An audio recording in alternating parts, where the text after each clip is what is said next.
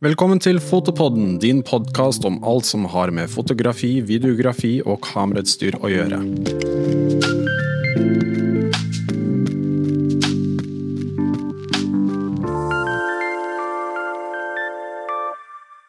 I mars i år lanserte Joakim Kleven Generation 2.0, en plattform som løfter frem unge talenter. Går du inn på generation2.no, så vil du se en talentbank full av unge talenter i Norge, med ett eller flere nye talenter hver uke. Jeg anbefaler alle også å sjekke ut behind the scenes-filmen Joakim laget om prosjektet, for å forstå hvor mye jobb som går inn i lanseringen av et slikt prosjekt. Joakim er på besøk hos oss i dag for å snakke om ideen bak Generation 2.0, komme med tips til noen som ønsker å leve av kreativitet, hvor mye som skal til for å lansere et slikt konsept, og hva planen videre er. Velkommen, Joakim. Tusen takk. Hvordan går det? takk for fin introduksjon. Det var så koselig. Du sendte meg melding med en gang du hadde sett dokumentaren. Det gjorde jeg. Sånn der, shit, så mye arbeid ligger bak det. Og det setter jeg så pris på å høre. Fordi det har vært mye jobb å lage ja, hele konseptet og musikkvideoen og alt sammen. Det var det absolutt. Ja. Og det var liksom en YouTube-video som var på en time. Ja, en time. Hvor du gikk gjennom absolutt alt sammen. Eh. jeg tenkte først kanskje en time er litt lenge, men jeg klarer ikke å oppsummere det kortere. Nei, nå måtte det bli på time. Og det tok jo sikkert lang tid å lage den. Ja, den også. Herregud. Ja, ja. Også. Men den, akkurat den videoen lagde jeg egentlig mest fordi Jeg vet ikke hvordan du føler det når man lager prosjekter, men noen ganger så har du bare litt lyst for din egen del å ha hele prosessen et sted, da. Mm. Så det var liksom nesten mest for min egen del å bare ha en slags sånn mimrevideo over all jobben som ligger bak det hele, da. Ja, ikke sant. Mm. Nei, jeg likte det veldig godt. Og så likte jeg også det på en måte at når folk tror at det er et helt team som står bak, mm, ja. så er det bare deg. Det er egentlig en av de store komplimentene som mm. man kan få som en skaper. Ja, gud, herregud. Det er, nei, det, og det er jo liksom sånn Vi snakka jo selv før podkasten her at man ofte Ja, det der med at man kanskje har en litt forventning ofte når man er litt liten og alt det at man skal bare hoppe rett i en Hollywood-film, og mange folk rundt deg skal lage store produksjoner for deg, men så er det som oftest du som har en idé, mm. og så må du selv bestemme skal du gjøre noe med den. Ja. Og um, jeg bare håper at flere folk er sultne på å lage sånn type film. da. At de selv tør å kanskje satse en god del på egen hånd, og at man har en stor visjon, men likevel tørre å gjøre den på en litt billig måte, men mm. for din egen del. da. Ja. Så det var det hele Generation Point har alltid vært. En kjempestor drøm av meg å gjøre og fikk heldigvis til det til slutt. ja, så bra. Ja. Hvordan var det når du faktisk lanserte det? Var det liksom en lettelse, eller var mm. det mer sånn nervøsitet, eller hva? Jeg følte på en måte at jeg var et sånt iPhone-batteri som hadde 2% batteri på hele kroppen min igjen, for jeg var så sliten. Men så var det en veldig stor lettelse å slippe det, fordi um, man hadde snakka om det så lenge. Eller jeg måtte tørre å snakke om det til folk ja. som var med i musikkvideoen mm. uh, det siste året jeg filma det. Men det er jo en idé jeg har hatt kjempelenge. Men det å prøve å holde det som en hemmelighet, men vite bare sånn når folk spør deg hva er det du driver med om dagen, bare sånn «Øh, Jeg driver med noe som ikke du kommer til å skjønne noe av det jeg mm. snakker om, men det kommer noe kult snart. Ja. Så det litt den tålmodigheten å bare endelig kunne gi slipp på det. Og så er jeg jo sånn Det høres ut som at man skal skryte av seg selv her, men jeg er stolt over at jeg fikk til den ideen jeg hadde når jeg var sånn sju år gammel, og nå er det en plattform der unge folk som kanskje du og meg kan få vise tingene sine, mm. og kan få lov til å få en liten anerkjennelse over at det, eh, det er kult og sexy å ha sterk stemme og talent, da. Ja, ja. absolutt. Mm. Og det var det jeg også likte når du eh, I musikkvideoen som du lanserte med prosjektet, så sto det i den beskrivelsen akkurat det du snakker om, at mm som du sa, at når du får anerkjennelse for noe du brenner for, er god til, noe du står for, så gir det deg selvtillit, og du mm. tør mm. kanskje bruke stemmen din mer, mene mer, tørre mer, og tro på deg selv mer. Mm. Og det er veldig viktig innenfor kreativitet, tenker yes. jeg i hvert fall, at unge talenter får ja. en viss anerkjennelse, mm. og de uh, får bekreftelse at det de gjør er bra. Mm. Og det gir deg selvtilliten til å ja, faktisk ja. satse på det. Er du gæren. Er, men jeg tror nok ofte sånn Men likevel, jeg vet ikke om jeg kan snakke for begge to, men jeg kan også snakke for meg at at man også i et kreativt yrke som f.eks. film, da, hvor mye man må på en måte kunne om film, føler man da, når man er mm. liten. At man aldri føler kanskje at man strekker til, fordi du sammenligner jo deg med de store Hollywood-produksjonene. Du sammenligner deg med de som har flere tiårs erfaring. Men det er den der måten at man måtte faktisk tørre å kunne sette i gang med noe, med mm. ti prosjekter, for at den ene skal bli bra. Ja. Og men likevel også faktisk få anerkjennelse for at tenk hvor mye bra du har fått til da, i løpet av din karriere. Det her er bare starten din. Ja. Og det er det jeg mener med at det, jeg håper at Generation 2.0 kan være en slags start. da, Mm. At f.eks. ser man en talent som f.eks. deg, eller en ung filmskaper, artist, whatever, så hvem vet om det er neste Kygo eller Steven Spielberg? Ja, Du vet ikke det, da. Nei. Og det er det jeg er så morsomt å være en del av det, fordi jeg føler på en måte at det er en liten sirkelkomposisjon av det jeg drev med. Jeg var jo som en av de talentene før, og nå håper jeg at jeg kan løfte fram flere unge, sultne filmskapere som jeg var når jeg var i starten av 20-årene. Mm. Når det ser veldig gammel ut. Jeg var 27. Jeg blir 30 neste år, så da høres jeg i hvert fall gammel ut. Uh, husker, du, husker du selv eh, først da du fikk anerkjennelse, eller at noen Mm. la merke til Å, ja, ja, ting du begynte å lage? Jeg husker, jeg glemmer aldri det, og jeg er fortsatt så stolt av det den dag i dag. Og det var at jeg hadde lagd en musikkvideo Oi, beklager. Jeg hadde lagd en musikkvideo på um, Elbakken videregående skole. Og uh, vi vant Amandus for det, og det var veldig veldig stort, det. Men det største var at det, uh, jeg sendte den inn, så klein som jeg var, så skrev jeg mail til 730.no. Eh, og da var de ikke så store, den nettsiden. Det var sånn 2010. Og så spurte jeg sånn her Hei, kan dere være så snill å dele musikkvideoen min? Jeg er så stolt av å lage den. Ikke sant? Så eide null skam, da. Og da hadde de linket til musikkvideoen med en kommentar fra Ray Kay. Og da hadde Ray Kay sagt sånn herre For en kul musikkvideo og tøft konsept. Wow. Lag en sak om fyren. Han er et talent eller et eller annet. Og jeg husker jeg bare sånn «Ah, Jeg får nesten frysninger å snakke Ja, om det nå, fordi jeg har sett så opp til Ray Kay, og at Ray Kay var en person som virkelig kunne um, si noe så fint Mm. om noe jeg hadde lagd når jeg var bare 17-18 år gammel. Ja. Det betydde så mye. Så det er sånn, de tingene der Det skal bare til en, en setning eller to, altså. For eksempel flere, tenk, folk som ser opp til deg, da. Og du Ja. bare skriver en melding til dem på innboksen bare 'Å, så flink du er, det her var en kul video'. Ja? Det kan jo inspirere de til å bare ah, få en sånn drive. ja, ja. Og det fikk meg til å elske å starte å drive med musikkvideoer. Så det er sånn der, jeg føler på en eller annen måte Ja, den kommentaren av Ray Kay betydde masse for karrieren jeg har hatt. Mm. Og eh, da fikk jeg jo også av at den artikkelen ble vist, og Ray Kay kommenterte den, så er det en musikkregissør som heter Fredrik Esnolt, eller Enå, sies det på sånn fransk. Han har jo lagd de største musikkvideoene for Madcon og altså alle de største artistene i Norge. Han er jo på en måte en mini-Ray Kay. Mm. Eh, og han var, klippet jeg masse musikkvideoer for etter at Ray Kay sa den kommentaren. Og jeg fikk jo ballen til å rulle bare pga. at jeg fikk den fine tilbakemeldingen. Ikke sant? Så um, Nei, det er sånne ting jeg virkelig har sett pris på, ja. Mm. Ja, det, det, det, det er veldig hyggelig da, at det liksom er en sånn Ja, ikke sant? Mm. Absolutt veldig kult. Og hvilke tips da skal eh, du på en måte komme med med noen som har et prosjekt de sitter på, og Mm. ikke helt vet om det er noe de har lyst Mm. Noe de tør å Ja. vise frem til verden. Altså, det er jo ganske skummelt, du Mm. vet jo alle det når du laster opp på YouTube-videoer og alt mulig rart, hvor eh, skummelt det kan være, Mm. og om he folk i det hele tatt bryr seg. ting. bryr seg, og ja, eller, eller om man, hvordan man skal Hva slags respons man skal få. Eller kanskje mest av alt, jeg tror det skumleste som jeg kan føle, er om folk misforstår det du lager, da, Mm. og ikke skjønner det helt. Men jeg tror nok, så klisjé som det kan høres ut som, er vel at det, uansett om du skal skape noe, eller tør å mene noe, så kommer du alltid til å Du klarer aldri å please alle. Nei. Så hvis du skal prøve å please alle andre, som er en typisk godt å si, så klarer ikke du å please deg selv. Så jeg tror nok at um, man må Har man virkelig troa på det, så kommer du til å se tilbake på det du har laget uansett, med at du har skjønt din egen visjon selv. Du har Du husker den reisen det var å Mm. lage det, og den gnisten du hadde rundt det. Og av og til så funker det, av og til feiler det, men du må i hvert fall i det minste Jeg tror det verste er folk som sitter på en idé eller en drøm, og så tør de aldri å gjøre det. Ja. For da lever de i en boble om enten at de er veldig høy på seg selv, for de tror at de hadde skapt det, noe sånn sykt svært som de aldri fikk til, fordi de kaller ikke vise til det. Eller verst av alt, at de kanskje er bitter for de aldri fikk til det. Mm.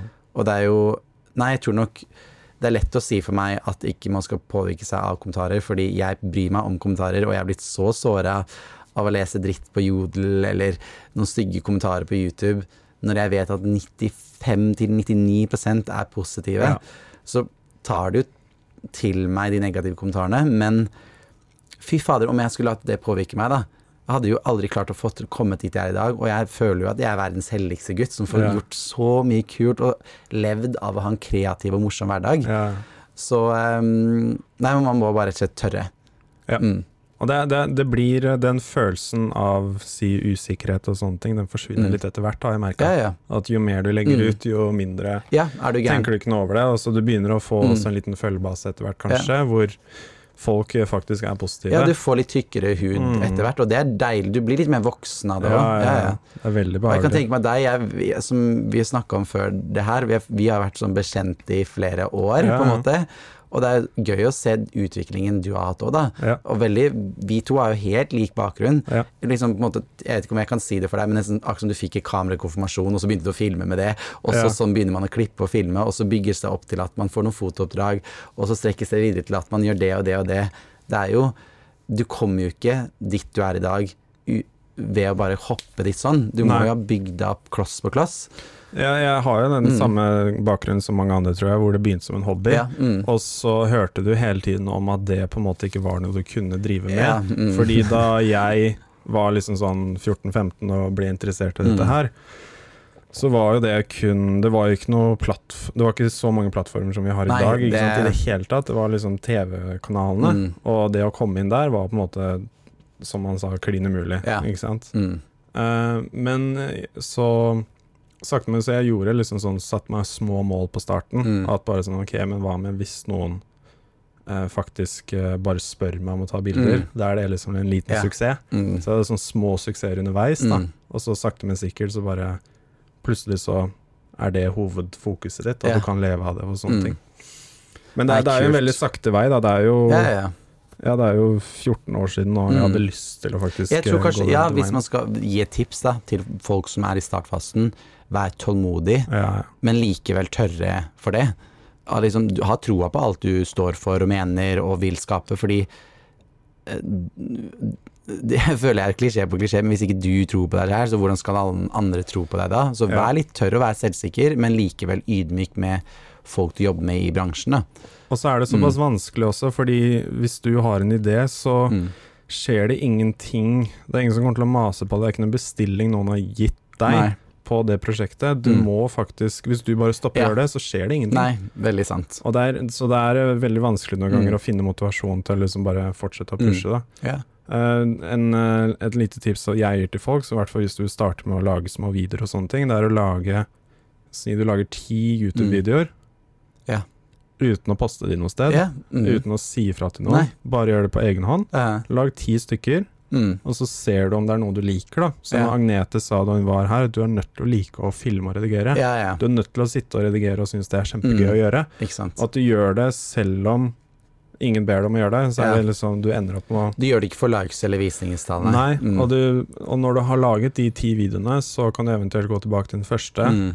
Ta det du har lært av å lage de ti, Mm. og så kanskje poste den første etter å ha redigert den. Mm. Men da har du på en måte gjort det litt. Igjen, Og jeg vet at det er flere folk som flere podkaster og sånne ting som gjorde de, Alle gjør piloter på Ja. ting. Mm. Ikke sant? I TV-bransjen. Mm. Er Piloter som alle blir vist noe Ja. sted. De bare Mm. tester Ja, og ser om dette går. Mm.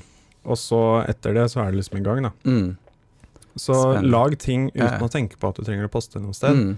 Men hvis du er fornøyd, så kanskje vis det til noen. Hvis de syns det er bra, så kan du Mm. legge det ut noe sted. Og nå ja, kan du bare legge ut ting Ja. hvor som helst. Du trenger ikke å spørre om noen. Nei, nei. Og det er, det er så morsomt å tenke på sånn, Vi er nok i litt det kullet der vi var sånn eh, Ja, vi hadde et kamera og kunne lage ting på egen hånd, men det var mye Ja. mer avansert. Jeg husker det fortsatt, jeg drev med DV-kassetter, liksom. Ja, Og det var sånn vi overførte ting og klippet på. At man har jo mye mer tilgjengelighet ved mobiltelefon Mm. til å kunne tørre å skape noe. Det er egentlig ingen Jeg føler vi begge er sånn skal være sånn Opera her, men det er ingen bremsinger enn deg selv til hva enn Nå du har lyst det til å skape. ikke det det det er ikke det. Du kan lage en dokumentar på en mobiltelefon. Mm. Du kan skape hva som helst med det. Og jeg tror nok at eh, Jeg håper hvis folk sitter med en idé om det er foto, film, grafisk, hva enn, så er det jo også så deilig å se tilbake på noe du skapte på og husket og tenkte en visjon, Mm. og se tilbake på det. Enten så har jeg sett tilbake på prosjekter og ledd av det, bare sånn herregud, hva tenkte jeg, og på en måte Men jeg gjorde det. Ja. Eller så ser jeg tilbake på det og tenker sånn shit, jeg var ganske kreativ når jeg var ung også. Ja. At man har Det er en deilig følelse av å se tilbake på en slags sånn historie Eller liksom mindrebok, da, Mm. med ting man har skapa. Så um, Nei, veldig jeg er glad Det er jeg glad for at jeg har Sitter igjen med mye sånne minner av Jeg husker jo at jeg starta å lage film, og at jeg fikk hånd, låne håndholdkamera til pappa, og så lagde jeg all slags mulig dramaserier. Ja. Alt het Hotell Cæsar, Hotell Helvete, Hotell Cleopatra. Alt var sånn hotell, hotell, hotell, sånn dramaserier. Og de er så dårlige når jeg sitter og ser på det i dag, men samtidig, shit, så tenker jeg hvor kreative løsninger jeg gjorde visse ting. Mm. Det var sånn jeg lærte om diverse overganger. Sånn begynte klipperytmen å gå, liksom få litt sånn fart i det. Ja. Og det gjorde jo at jeg igjen da at jeg alltid elsket å klippe ting jeg gjorde. Jeg lagde jo tabbevideoer, trailere, introer, alt. Jeg klarte, Hva enn jeg kunne gjøre med materialet, klippet jeg om det, da.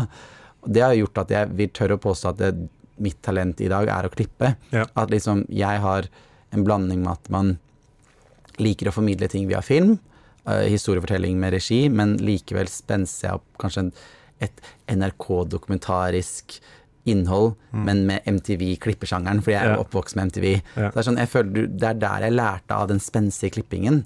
Så det er sånn, uansett hvor mye man kan le av de barnslige filmene mine, så ser jeg bare sånn Ja, klippingen begynte allerede der å forme seg fordi jeg turte å lage det. Og det er, sånn, det er jo ting jeg er flau over i dag, sånn som min YouTube-bruker når jeg var sånn 13 år, het Tjukkebolla 123. Alt jeg postet Jeg har pustet hundrevis av videoer på den kanalen min. Jeg hadde sånn En dag med Joachim Kleven og Top Mahal Norway, det jeg var den mannlige Tyra Banks. Alle de videoene er flaut å tenke på i ettertid, men jeg eier det så mye fordi det var meg, og det er meg. Fordi da tenkte jeg at å shit, jeg har virkelig skapt en ny Top Model i Norge. Jeg er den mannlige Tyra Banks.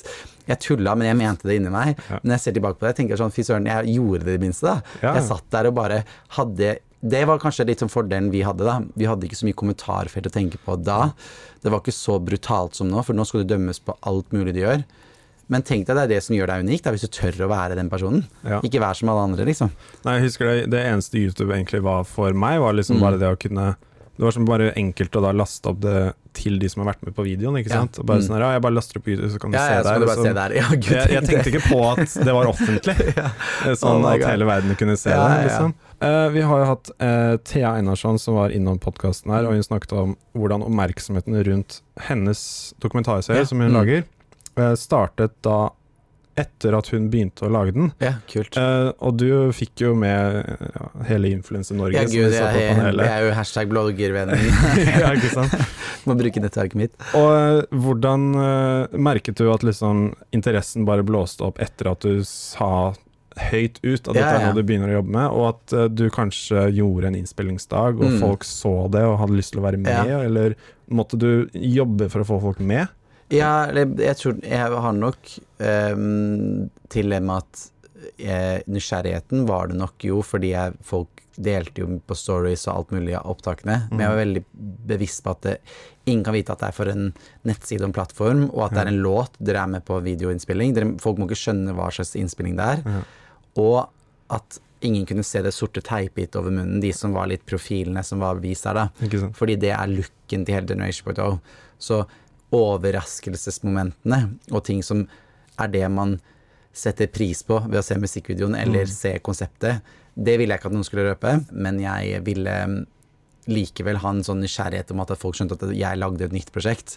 Men jeg tror nok det er bl blanding med at man må få folk nysgjerrige rundt det, men ikke gjøre folk eh, at de tenker at de allerede har sett det når det Ja, kommer ut. Så sånn. da mister du nysgjerrigheten rundt det. Ja. Så det er en sånn blanding Litt mellom sånn ting. teasing hele veien. Ja, teasing. Mm. Og folk mister fort interesse, og jeg tror nok sånn Jeg vet ikke, nå kanskje sporer jeg av, men sånn han, En um, veldig, veldig, veldig flink produsent i TV 2 og prosjektleder, han heter Vegard Nordmann. Og han er sånn som sier sånn Du må ha en sånn to-tre ukers nysgjerrighet rundt noe. Ja. Hvis ikke så mister du helt interessen hvis, hvis du teaser en trailer to måneder før et TV-prosjekt skal komme, eller du mister interessen fort. Mm. For du må ha det aktuelt. Vi er blitt rastløse på det.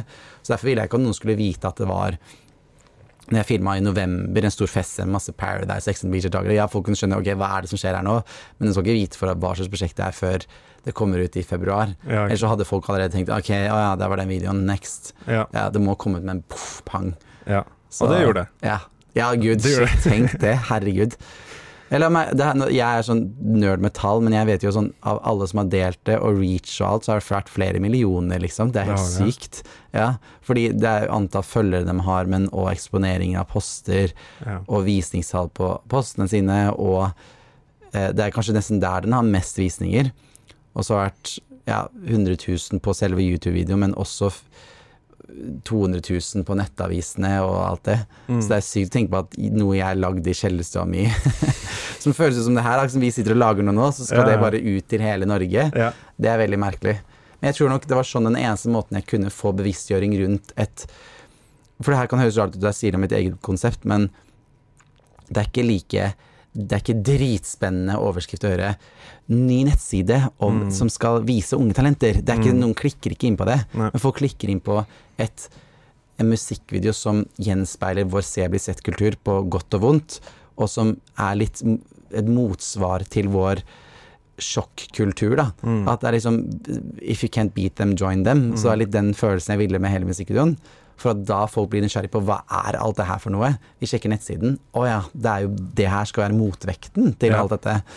Så um, Nei, jeg er stolt av det, men fy fader, jeg også blir jo nervøs og tenker på hvor mye mange folk har sett der ute. Har folk forstått det jeg mener og alt det? Men det er i hvert fall det jeg har hele tiden villet med det, har jeg klart å få til, da. Mm. Så Så bra. Ja. Og nettsiden din er liksom oppe og går nå, og Mm. det er jo kommet veldig mange talenter der ja. ute. Mm. Vil gjerne snakke litt om dem. Så den, Mm. den, uh, en av de første, for Ja. eksempel. Mm. Og dansegruppe, nei, eller hva? Ja, jeg så den Ja, dansegruppen, for Moira eksempel. Production, de er kjempeflinke. Mm. Og det har vært mange forskjellige talenter som har vært der. Det har de, eh, vært stor del artister nå, litt sånn diverse, enten om du er Ja, alle er self-made, for så vidt, men om det er enten veldig du som produserer og skriver musikken og alt det på egen hånd, eller om det er en sånn litt sånn up and coming artist som ikke Mm. har noe eh, platekontrakt, men som pusher pengene litt på Pusher på med låtene sine. Og så har det vært ja, eh, folk som har drevet med mm, provokasjontegning til eh, egne tegnemalte designerklær, og det er veldig mange forskjellige. Jojo er det en som har vært sykt rå på jojo.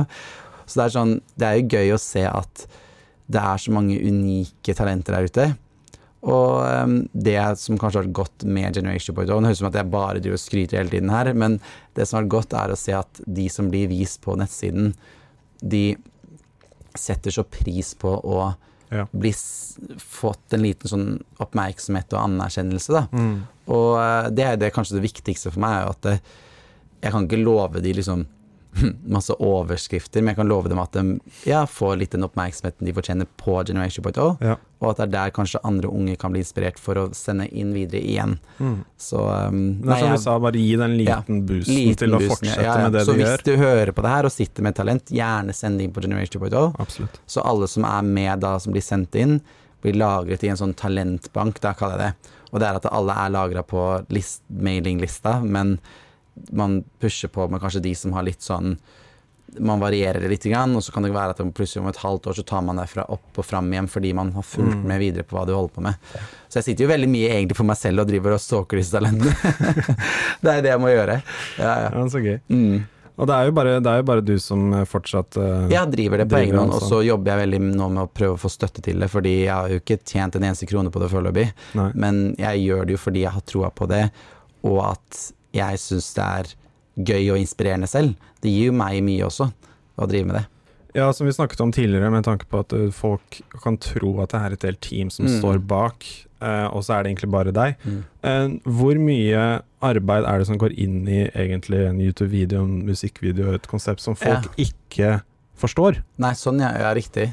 Jeg tror nok ofte man noen sånn veldig enkle folk, holdt jeg på å si, jeg mener, eh, som ikke skjønner hvordan en idé Ja. eller en video blir skapt, så tror folk kanskje nesten at det er sånn Er en video 15 minutter, så tok det 15 minutter å filme og poste den, liksom. Sånn Mm. helt tatt på spissen.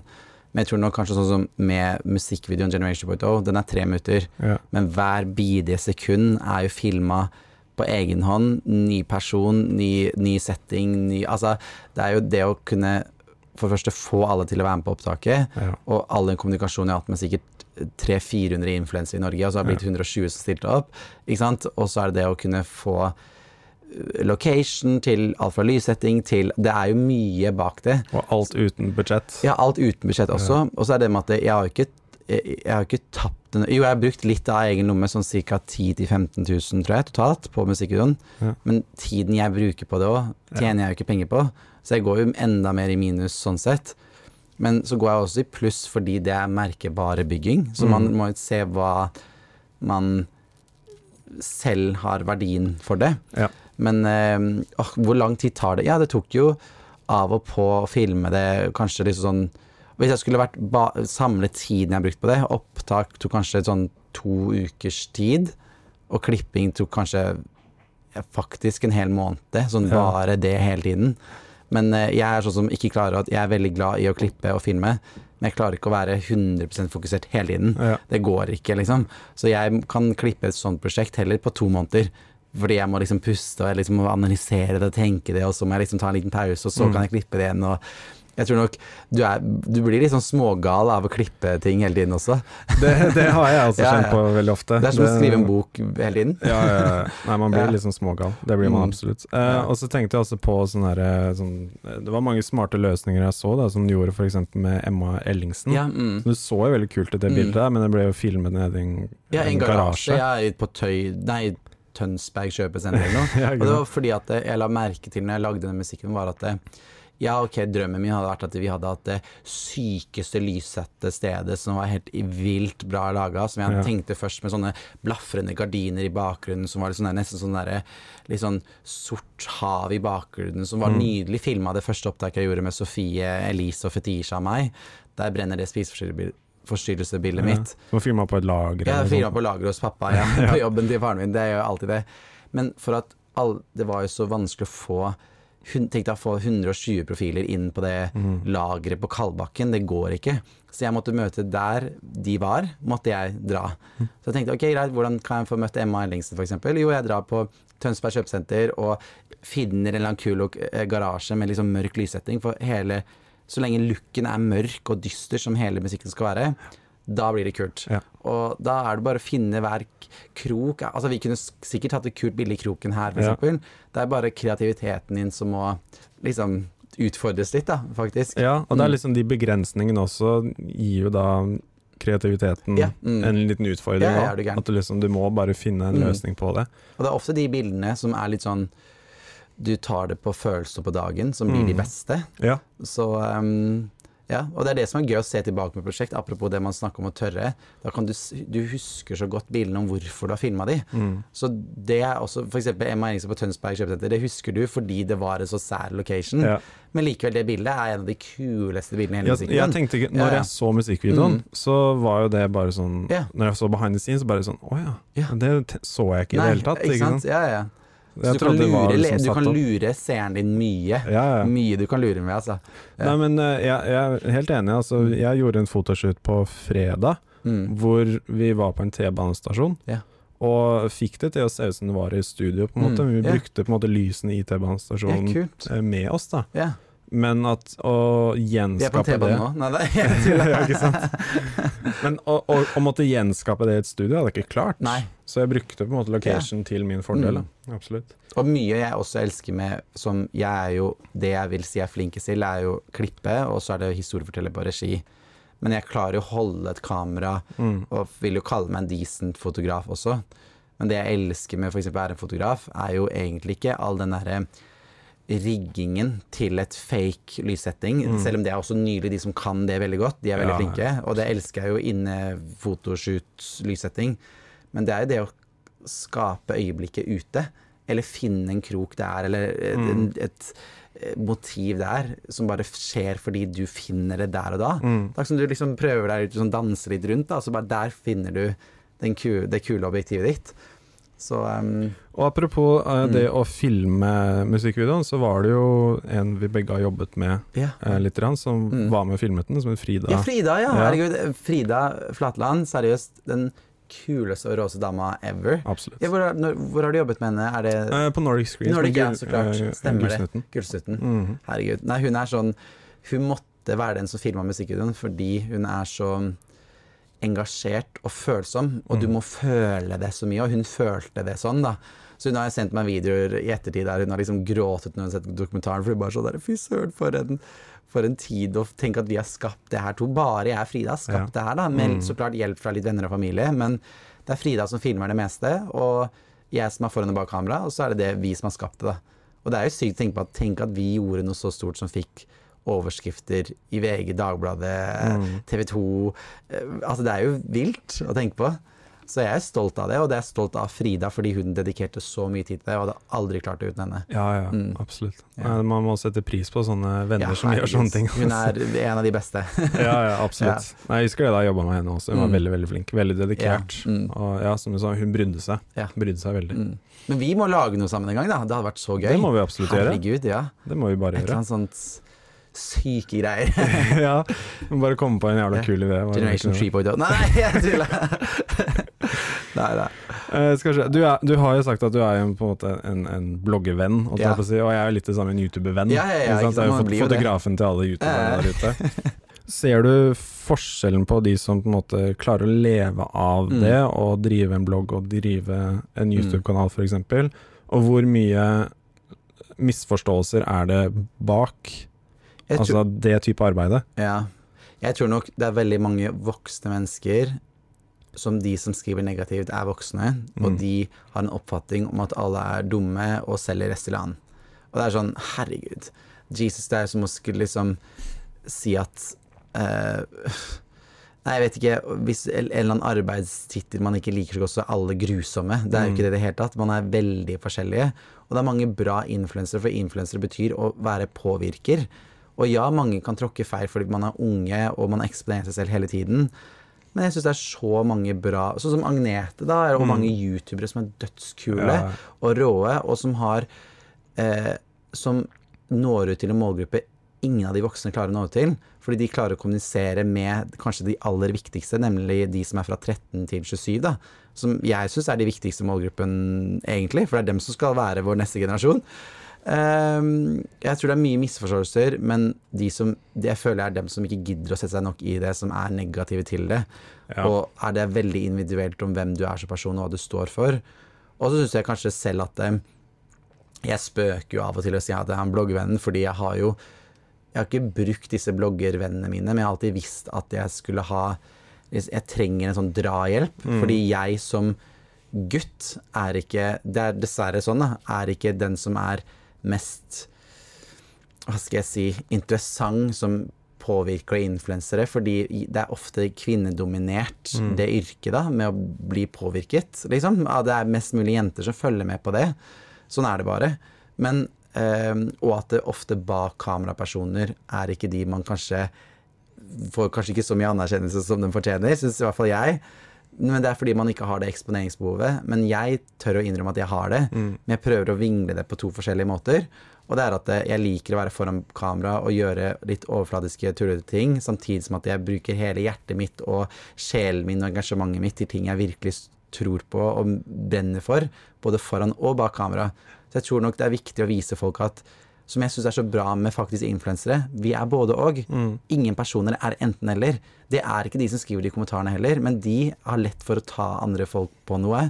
For jeg tror de egentlig kanskje ser seg selv mye i det, Ja. og er egentlig sjalu på at de ikke tør å være det selv.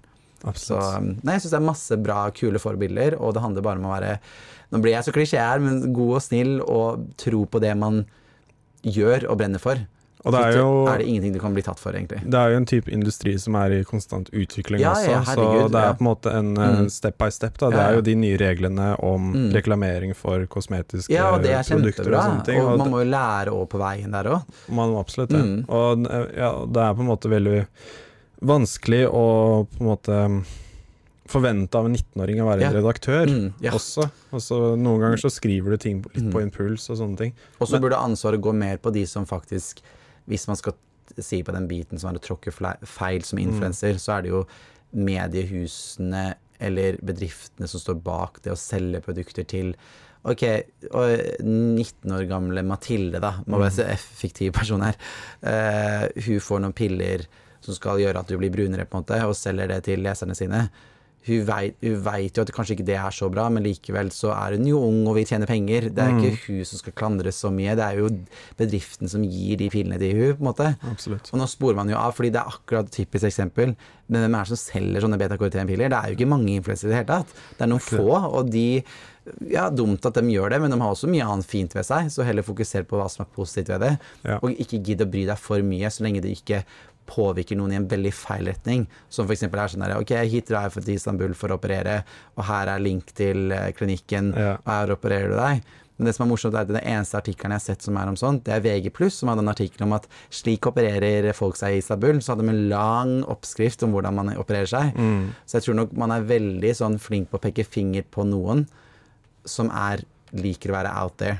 Så jeg tror folk må bare roe seg litt ned og bare heie på dem som faktisk gjør mye bra, da. Ja, absolutt. Ja. Mm. Og det er det jeg også liker med den plattformen som du også har skapet. Da, at det er på en måte det som er fokuset. Mm, Det å på en ja. måte være ha positiv og Ja. gi komplimenter istedenfor Mm. å på en måte trykke ned og, og sånne ting. Mm. Eh, Folk eh, elsker jo å kritisere mye mer enn å gi komplimenter. Ikke sant? Hvor sjukt er ikke det?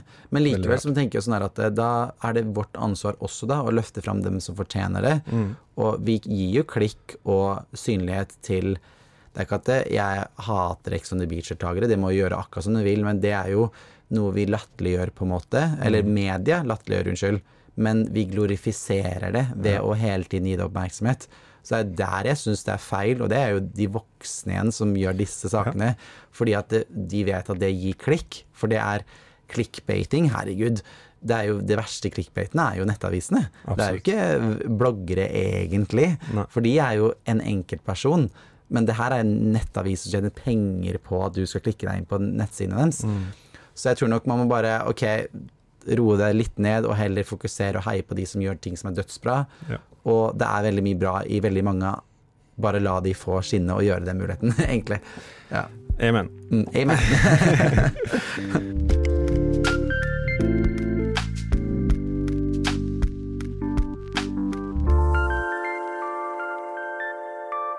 For drøyt et år siden så gjorde Mm. vi et intervju om Black Friday. Ja, og om liksom det. Ja, ja, herregud, det hadde jeg glemt. Ja, Ja, men jo, det stemmer det. Um, eh, og da snakket vi litt om eh, sant, Mm. hvor vi er nå, hvor vi har vært, fordi du lagde jo Sweatshop som Yes. gikk på Aftenposten. Det var en veldig, Mm. veldig bra serie. Takk. Uh, og på en måte ja, som fremmet disse forferdelige forholdene som arbeiderne i klesbransjen må leve av Mm. for at vi skal kjøpe litt billigere klær. Litt Mm. billigere klær? Har, er det noen oppdatering? Har det vært noen forbedringer siden sist gang? Siden Black Friday begynner å nærme seg nå. Ja, ja, det stemmer. Black Friday kom jo nå i november, det. Mm. Eh, det er jo ikke noe bedre i det hele tatt, dessverre. Eh, hva skal jeg si? Det er så vanskelig å sette seg inn Nå skal jeg prøve å fatte meg i korthet, men jeg har jo vært veldig imot Hennes Maurits fordi de har vært de som har kritisert Sweatshop og sagt at det ikke er sånn de har det i sesong én. At vi gir feil bilde av hvordan deres tekstilindustri er. Sesong to så banker vi på døra deres fordi de har sagt at det- kast piltavla deres hvor dere vil, Mm. på hvilken som helst fabrikk dere vil komme inn på. Så slipper vi dere inn. Og så drar vi til Kambodsja. Vi sier jo ikke fra til dette, for vi vil jo gjerne komme rett inn. Og det fikk vi jo ikke lov til å komme inn da, når vi ringte dem og var i Kambodsja. Ja. Og når vi da spør om å komme inn på en av fabrikkene deres senere ute i sesongen, som vi hadde hørt var en av de verste, der de driver og farger av jeansstoff, og det, er ganske farlige kjemikalier, og du kan nesten bli blind på øyet av å drive med det. Sånn denimstoff som vi hadde hørt Hennes Maurits har produsert klærne på. Dagen etterpå så fjernet de den fabrikken fra fabrikklistene sine, og så hadde de ikke lenger produsere klærne sine derfra. Så jeg har alltid hatt sånn forhold til akkurat Hennes Maurits, selv om veldig mange er ille. Adidas og Sara, alle de er jo like ille, på en måte. Men det er viktig å ta noen, og nå er jeg litt lei og drittlei Hennes Maurits. De har lovt så ekstremt mye som ikke de har holdt, og ja, jeg er bare lei av at den industrien er så urettferdig, når vi som forbrukere har lyst til å betale for klær som er etisk produsert. Så um, Nei, jeg vet ikke hva jeg skal si. Det har ikke blitt noe bedre, nei, dessverre. Og det er mye Det er vanskelig å sette seg inn i alt sammen. Men jeg tror nok mange i Kambodsja nå sliter med Eller jeg har fått høre det av de vi har jobbet med på Sweatshop. Tør ikke å snakke om det nå, for det er noe snakk om noe EØS-avtale som Mm. gjør at hvis de mener for mye, så kan Kambodsja blir løsrevet seg fra den avtalen, som gjør at de ikke får jobb. Så de er jo, da tør de ikke å mene noe heller, for de er jo avhengig av den jobben. Men de får jo så lite at de så vidt overlever. Ja, Og det er det som er en sånn ond sirkel rundt det hele. Så det er bare en ure, ekstremt urettferdig industri. Og, men det som er fint å se, er at eh, folk engasjerer seg i klimastreiken og bryr seg om miljø og alt det. At nå er det bare viktig å også bry oss om de som syr klærne våre, og Ja. hvordan den industrien også er. Og det tror jeg vi mer og mer nærmer oss å være. Men eh, fortsatt er en altfor lang kamp å gå. Hva, hva kan Mm. man gjøre da? Man må jo være flinkere til å ikke handle så altfor mye og støtte fast fashion. Fordi de skjedene som Hennes Maritz er noe på catwalken i Milano eller Paris, så har de produsert en samme kopi fra å ikke ha hatt en skisse til at det er i butikken sin på én uke. Mm. Altså, det går sånn Og hvem er det som lager og plukker den bomullen og syr de klærne? Jo, det er mennesker. Mm. Og import og eh, av svin Gud, det er jo forferdelig. Av miljøet òg. Og eh, nei, da har vi bare som forbrukere å kanskje ikke støtte de fast, fashion-kjedene, og så må du tenke trenger man virkelig det plagget man skal kjøpe? Men vi har ansvar som forbrukere, men jeg syns virkelig de som har mest ansvar, det er jo de største kleskjedene. Så Så det er bare å kanskje si ifra til dem i kassa bare, hva, hvor, hvor, hvor er den her produsert, og Ja. hvorfor er den så billig? Og bare få en dialog rundt det. Ja. For det er stakkars de i kassa, men det er dem man må snakke med, da. For det er Ja, dem den eneste man si, når ut til der. Ja. Så kan de ta det videre til ledelsen igjen. Mm. Mm. Ja, det skal vi skal jeg ha i bakhodet. Si ifra. Yes. Si ifra. yes. Veldig bra. Mm. Eh, vi skal over på ukens anbefalinger.